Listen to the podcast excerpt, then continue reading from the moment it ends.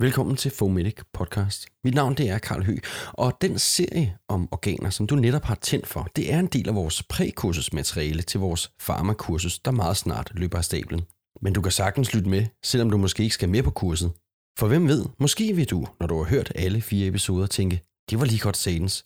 Det kursus skal jeg da også med på. Det lyder til at blive virkelig sjovt og lærerigt, og det bliver det også. Du kan finde mere info om kurset, hvor du også kan tilmelde dig inde på live.fomedic.org.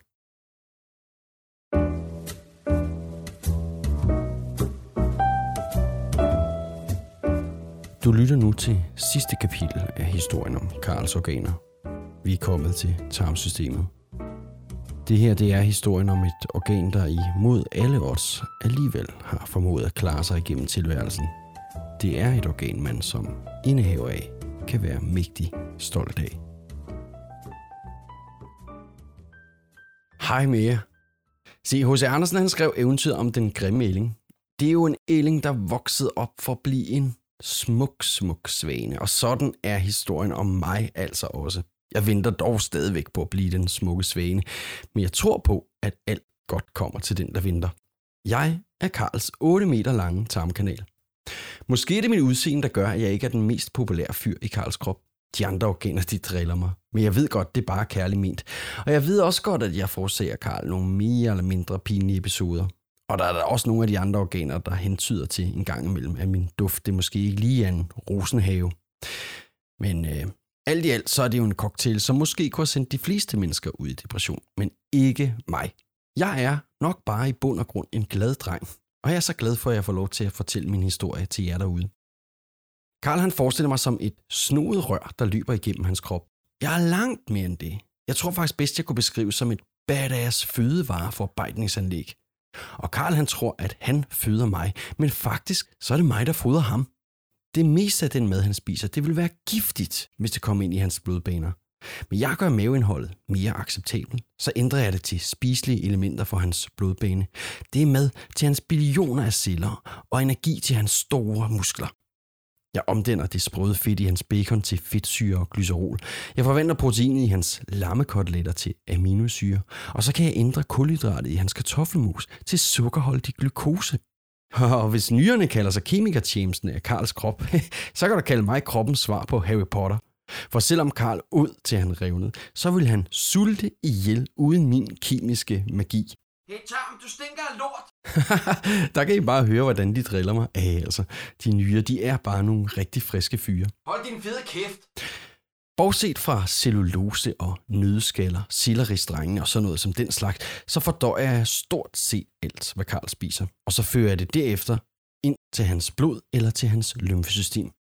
Og hvis han dagen efter har spist en pizza nummer 27 ned for Papas Pizzeria, du ved, den med banæs, majs og rejer, og hvis han så kiggede i toilettet, så vil han kunne se, at jeg faktisk godt ved, hvad jeg snakker om. Der ligger de fineste hele majskerner i Karls lort. Det er nemlig lavet af cellulose. Og sammen med majskernerne består hans lort blandt andet af de utallige millioner af døde bakterier og celler, og af alt det slim, som jeg har udskilt undervejs, samt af forskellige ting, jeg ikke helt har kunne absorbere. Hvis du lavede en plantegning over min arkitektur, så vil du kunne se, at jeg er unikt egnet til fordøjelsesopgaver. Det første, du støder på, det er min 12-fingertarm. Den begynder helt op ved mavesækken, og derefter kommer tyndtarmen, der jo deles op i to. Jejunum og ilium. Tilsammen så er de cirka 5-6 meter lange, og min tyndtarm ender ud i tyktarmen, der er omkring halvanden til cirka 2 meter lang. Og slutligt så ender jeg i endetarmen, der er cirka 15 cm lang. For det meste så er min øverste del fri for mikroorganismer, og det er fordi Karls stærke mavesyre slår de fleste levende ting ihjel. Men i min nederste del, så findes der en regulær mikrobiologisk zoologisk have med op imod 50 arter med en samlet bestand på flere millioner. Fordøjelsen starter allerede i Karls mund og mave. Munden tykker og tilsætter spyt, og maven blander det hele sammen, og til sidst så sprøjtes mad, der mest af alt har konsistens som tynd velling, ind i mig gennem en lukkemuskel, der fungerer lidt som en dørmand. Hvis Karl drikker et glas vand, så vil det lynhurtigt blive lukket ind fra mavesækken til mig af dørmanden. Men hvis han spiser en svinekotelet, så vil dørmanden først lukke koteletten ind til mig over flere timer, fordi den mad, maven leverer til mig, er meget sur. Og hvis jeg fik for meget gang, så vil syren skade min foring og dræbe aktiviteten af mine vigtige fordøjelsesenzymer. Men jeg er faktisk også ret god til at håndtere syren, fordi min 12-fingertarm producerer et stof, der får Karls bugspytkirtel til øjeblikkeligt at udskille dens basiske fordøjelsessaft. Og når den acidotiske mavesyre møder den alkalotiske bugspyt, så neutraliserer de hinanden. Men det er når processen her ikke helt går som planlagt, at Karl han kan få mavesår. Og de fleste mavesår, de finder faktisk sted i 12-fingertarmen.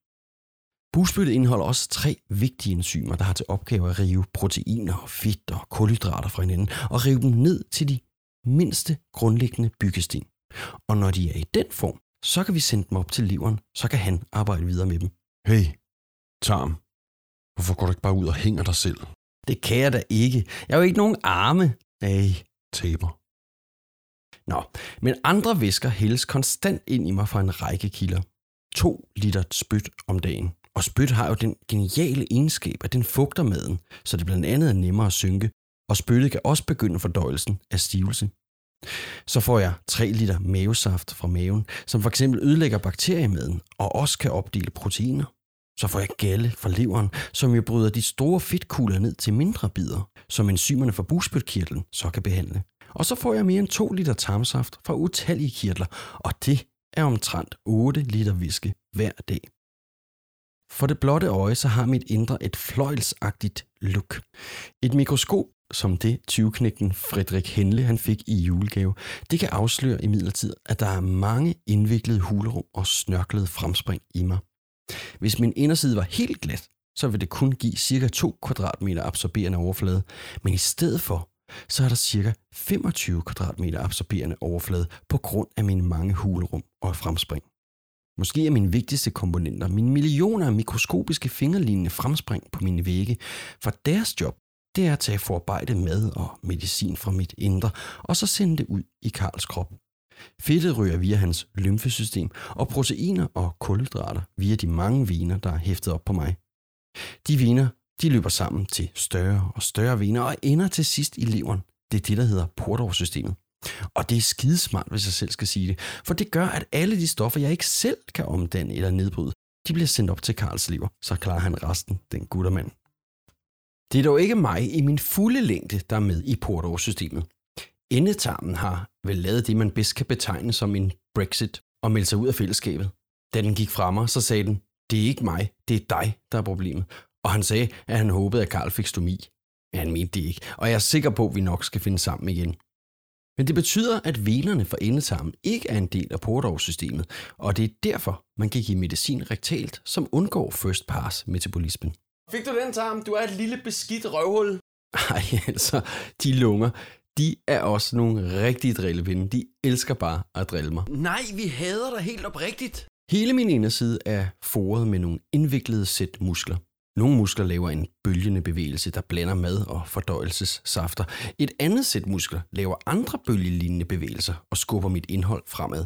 Og jeg hviler mig faktisk aldrig.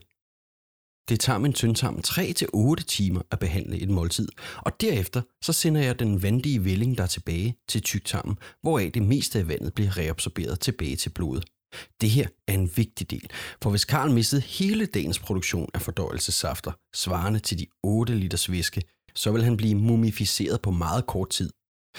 Når vandet er reabsorberet, så er det der tilbage en halvfast, dejagtig masse, hm, med eller uden majs, som jeg så opbevarer i den del af tyktarmen, der ligger nærmest min endetarm. Normalt så er vandekstrikationprocessen en afslappet proces, som tager 12-24 timer. Der er dog et utal af ting, der kan fremskynde madens vej igennem mig. Nervøsitet, medicin, stoffer, bakterier, bare for at nævne et par stykker. Og hvis ikke vandet reabsorberes, så får Karl diarré. Andre ting, som bekymringer og dårlig kost, det kan få mig til at nedlægge arbejdet med at sende lorten videre, og jeg kommer derfor til at suge for meget vand. Så får Karl forstoppelse. Af de to ting, så er diarré mere alvorlig, fordi det kan føre til svær dehydrering. Og hver gang Karl har diarré, så skal han altså huske at drikke rigtig store mængder vand.